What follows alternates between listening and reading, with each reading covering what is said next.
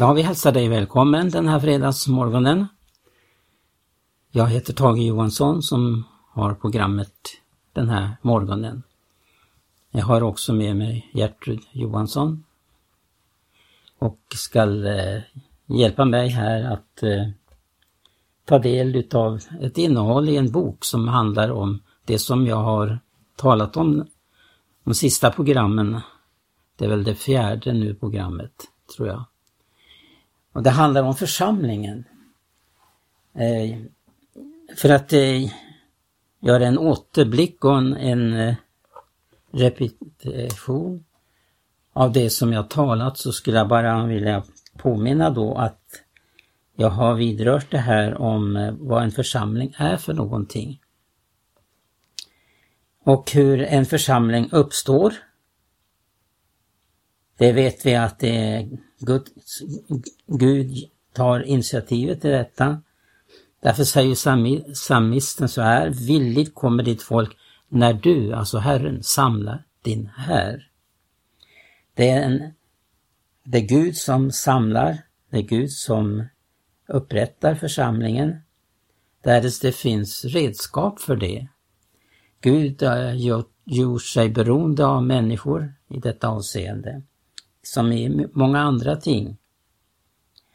Grunden vet vi, det är ordet som eh, talar om vad församling är, hur församlingarna, hur apostlarna var och ansåg sig som byggmästare och man lade grunden. Funktionen, det är ju väldigt intressant att det gäller församlingen. Att det är ämnat för att vara ett tempel för Herren. En plats där Gud kan bo och där Gud kan verka. Och det finns ju många ting där som har att göra med att församlingen har den här uppgiften då inte bara just för det förhållande lemmarna emellan. Vi behöver varandra. Vi behöver uppleva hur var led giver styrka i hela kroppen.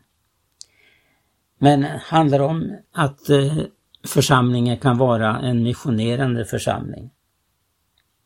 Och hur församlingen kan växa upp till att vara ett hjärta och en själ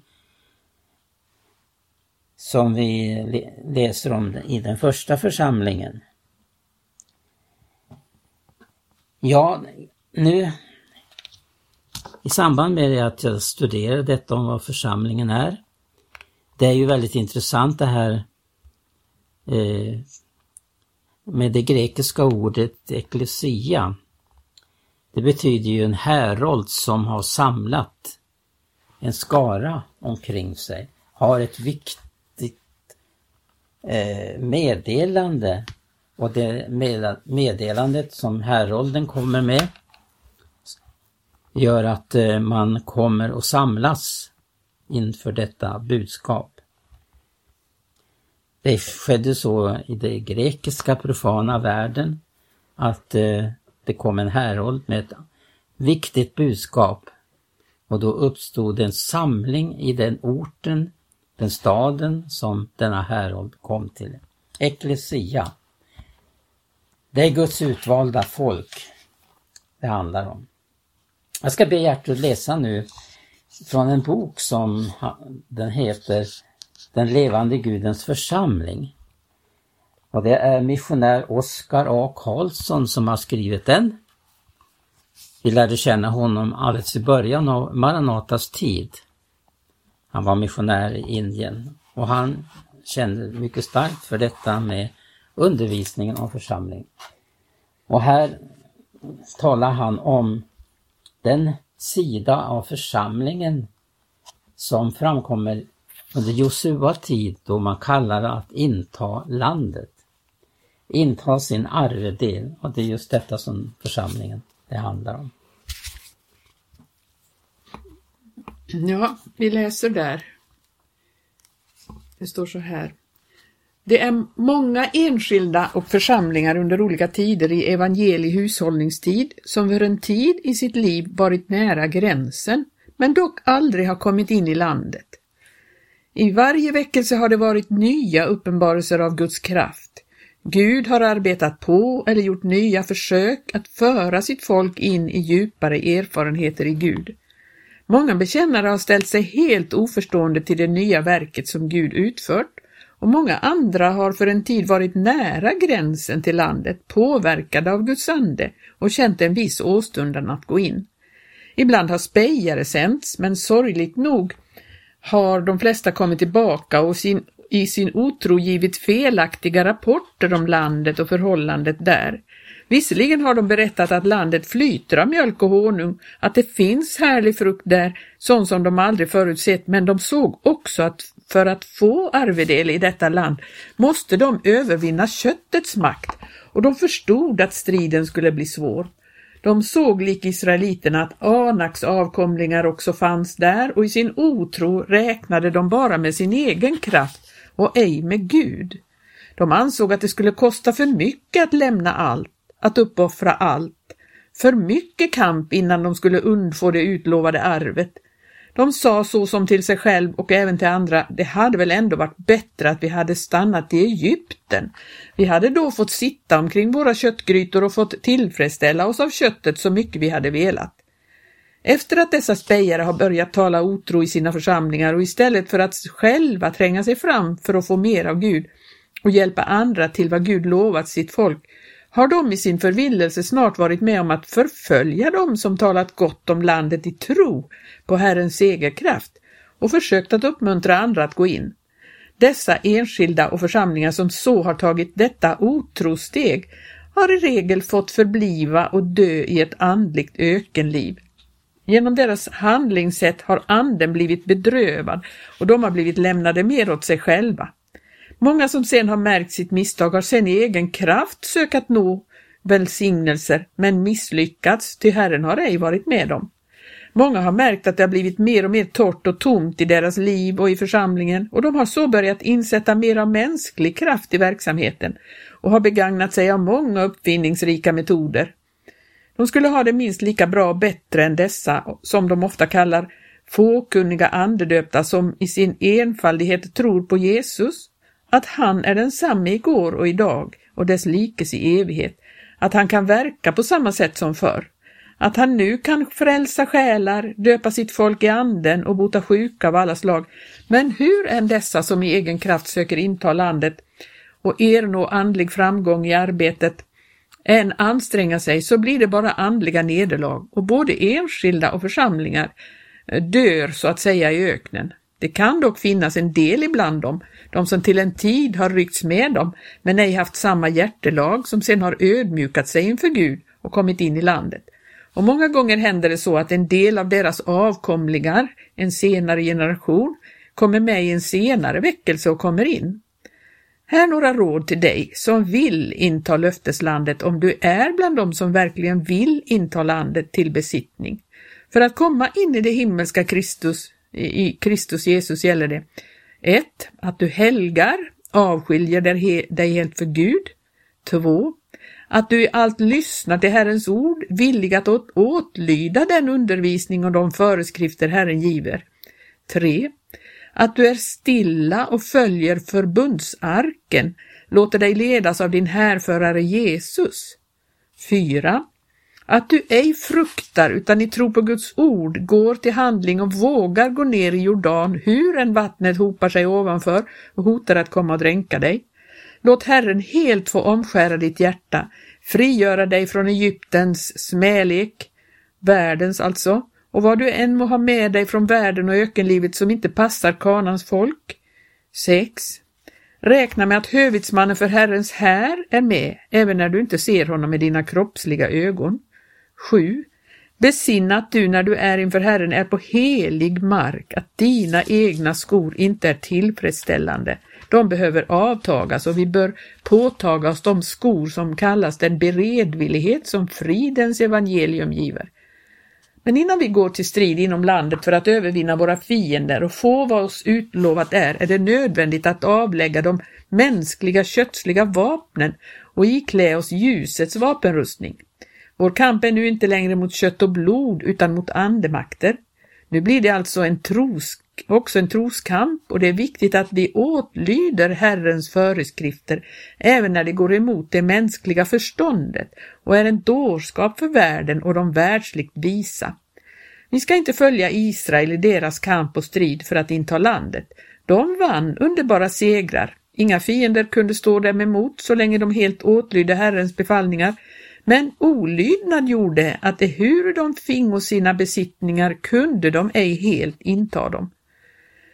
I Domarbokens andra kapitel ser vi att Herrens ängel uppenbarade sig för dem. Denna Herrens ängel var den som hade lett dem ut ur Egypten och genom öknen till Kanan, nämligen Kristus. Han sa, jag förde er upp ur Egypten och lät er komma in i det land som jag med ed hade lovat åt era fäder och jag sa, jag skall icke bryta mitt förbund med er till evig tid. Ni åter ska inte sluta förbund med detta lands innebyggare. Ni ska bryta ner deras altaren, men ni har inte velat höra min röst.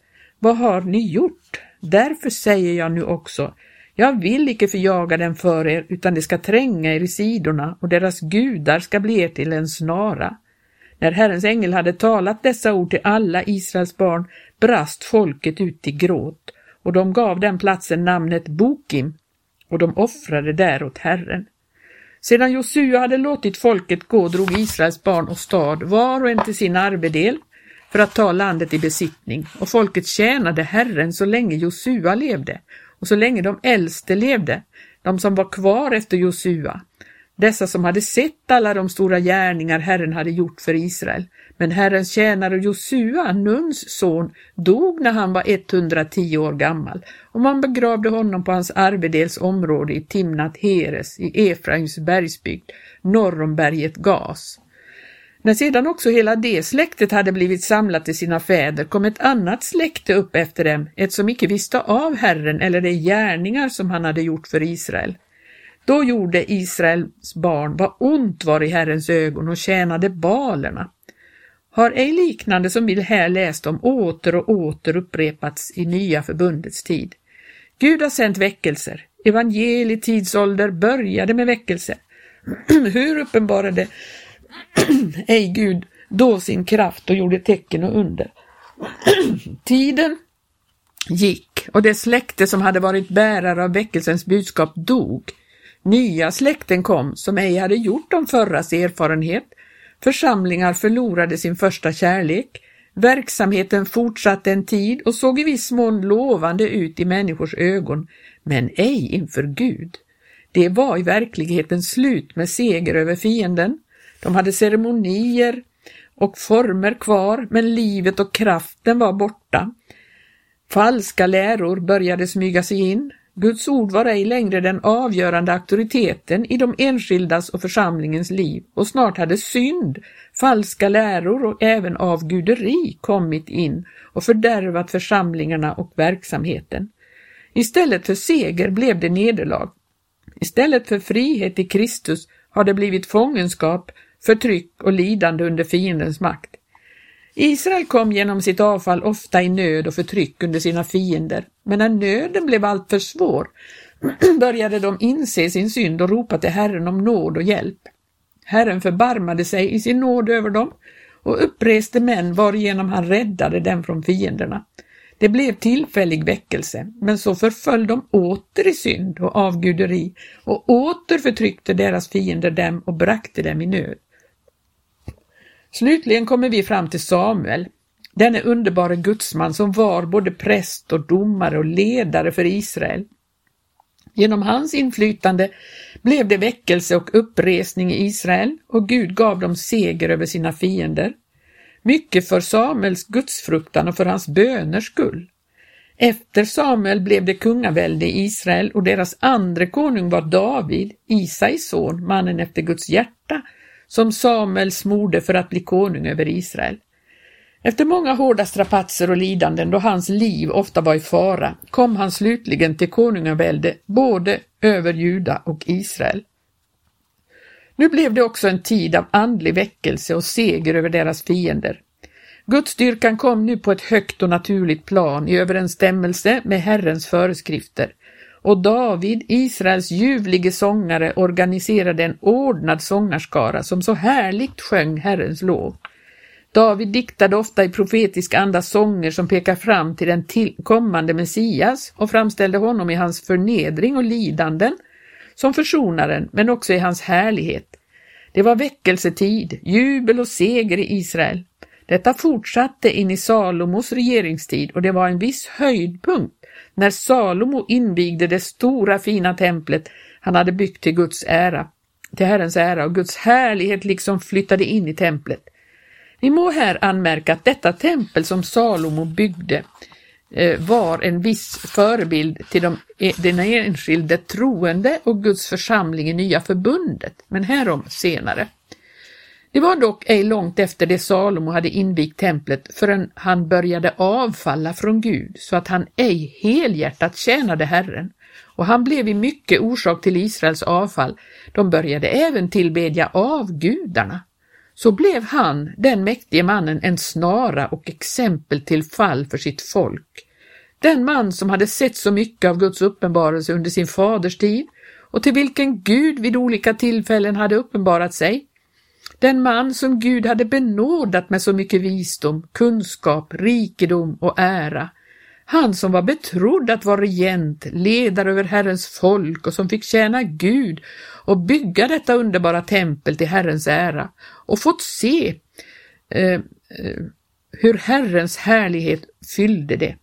Den som hade talat och bett så underbart vid templets invigning och Gud så hade bekänt sig till och välsignat den som var dån med vilken Gud hade sammanbundit så många härliga löften om han skulle vandra på Herrens vägar, den mannen föll i synd och drog förbannelse över sig själv, sitt hus och sitt folk.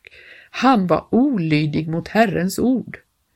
Mot Herrens befallning älskade Salomo och tog till hustrur och bihustrur utländska hedniska kvinnor.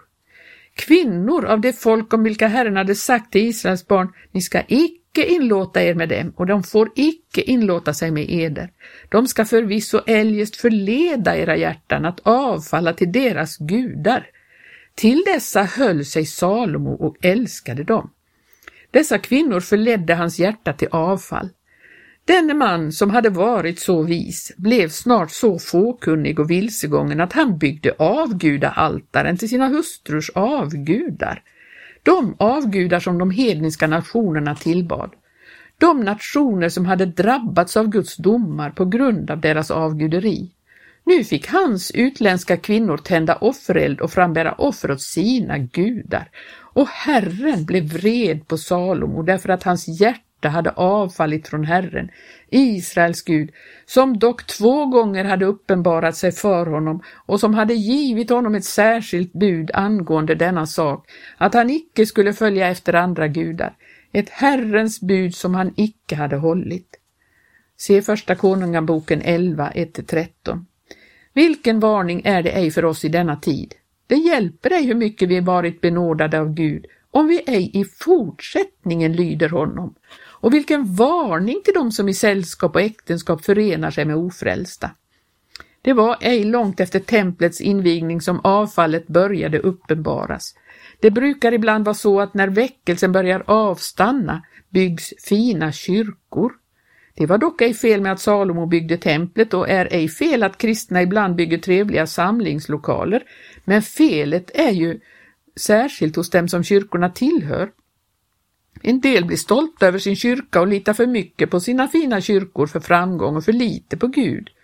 Gud frågar inte efter hur fint tempel vi har. Han bor ej i hus som är gjorda med händer. Men vad han frågar efter är om församlingen är så helhjärtat för honom att han kan bo i och uppenbara sin kraft genom den. Ofta är det nog så i den kristliga verksamheten att medan väckelsens eld brinner i grupper och församlingar, de så brinner och nitälskar för Guds verk, att de offrar sina pengar för att vinna själar i hem och hednaland, att de ej har mycket över till att bygga av och tänker ej heller mycket på sin egen bekvämlighet och trevnad i fråga om samlingslokal. Många församlingar och samfund har byggt stora fina lokaler som nu står där nästan tomma men står som minnesmärken av en förfluten storhetstid. Men Gud och hans kraft genom anden uppenbaras ej längre där. Avfall och avguderi fortsatte. Omkring 20 år efter tempelinvigningen dog Salomo och hans ogudaktige son Rehabiam blev konung efter honom. När han skulle överta väldet handlade han oförståndigt och orsakade därigenom synligt delning av Israel så att tio stammar avföll från honom och de utvalde Jerobiam, Nebats son, till konung över sig. De andra höll sig till Salomos son och från den dagen var Israel delat i två riken, Israel och Juda, och båda av dessa riken fortsatte i sitt avfall från Herren. Där har vi då tagit del av missionär Oskar A. Karlsson som eh, skrev en bok. Och det är på 60-talet. 65 gavs boken ut. Han fick flytta hem till Herren. Inte alls så långt därefter. Men han kände mycket starkt hur viktigt det var att eh, sprida information och kunskap om vad församlingen är. Församlingens kamp. Och när vi har tagit del av gamla förbundets tid som eh, också handlar om Guds folk och eh, kan jämföras med eh, församlingen i Nya Testamentet. Hur de skulle inta ett land precis så som det gäller också i andlig bemärkelse att inta ett land. Den har stor betydelse för församlingen och eh, det är det instrument var Gud upprättar sin makt och eh, att folket, eh, Guds folk, får erfara att Guds makt blir manifesterad ibland dem. Det finns eh, många underbara ord om församlingen och eh, jag bara tar ett, ett enda ord här som handlar om då församlingens uppkomst. Hur en församling uppstår, som jag redan har varit inne på tidigare i tidigare program. Men det står så här i psalm 110 så får vi då veta hur en församling uppstår. Jag vill verkligen understryka det här, ta det igen. Och där står det, säger, skri, säger psalmisten då, villigt kommer ditt folk när du, alltså Herren, samlar sin här. Ordagrant här 1917 så står det då alltså, villigt kommer ditt folk när du samlar din här. I helig skrud kommer din unga skara inför dig så som daggen kommer ur morgonrodnadens sköte. Det här är någonting som kommer igen i Guds folks historia. Antingen så sker det en upprättelse, en reformation, för det gäller församlingen, eller också så sker det tillbaka, en tillbakagång och eh, avfallet eh, blir uppenbarat bland Guds folk. Gränserna dras inte upp längre utan det blir tvetydigt var gränsen går. Och det blir inte då längre ett heligt folk, ett avskilt folk som ska vara Guds boning i anden.